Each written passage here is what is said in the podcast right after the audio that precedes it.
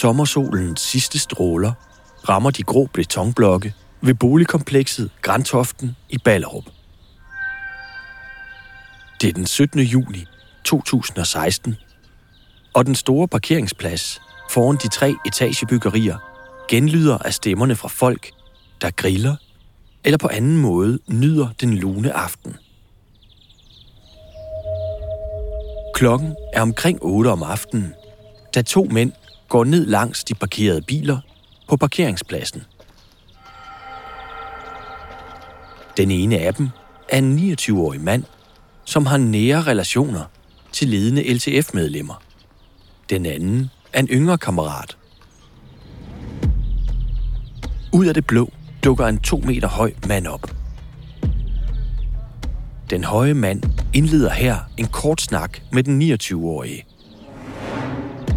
Fra passagersædet af en bil, som holder med motoren i tomgang i nærheden, træder en fjerde mand ud og går direkte hen mod de tre mænd.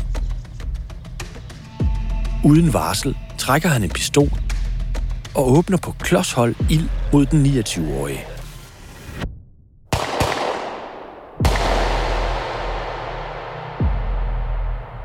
Ekkoet fra bravene runger over Grantoften i Ballerup. Klokken er 2021, da der indløber en anmeldelse om skyderi i området. En 29-årig mand med udenlands baggrund ligger blødende på jorden. Han er blevet ramt af skud i hovedet og brystet. Manden, der skød, var ifølge vidner iklædt en stribet trøje. Han var i selskab med den to meter høje mand, der stod og talte med offeret op til skyderiet. Begge disse to mænd menes at have stærke forbindelser til den serbiske mafia. Efter skyderiet flygter de to mænd ind i en bil, der holder i nærheden.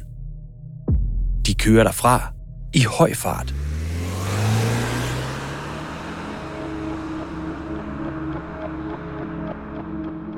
Senere samme aften bliver den 29-årige erklæret død på Rigshospitalet i København. Lige efter drabet, så indgik det selvfølgelig i overvejelserne, om det her drab det kunne spille en eller anden rolle i forbindelse med den her igangværende bandekonflikt. På det her tidspunkt, hvor drabet i Grænsoften sker, så er LTF viklet ind i en konflikt med en anden af de store gadebander på det tidspunkt.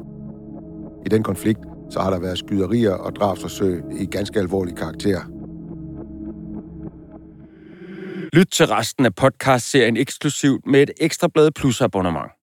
Med det får du også adgang til et hav af andre fede podcasts. Kom i gang på ekstrabladet.dk-podcast.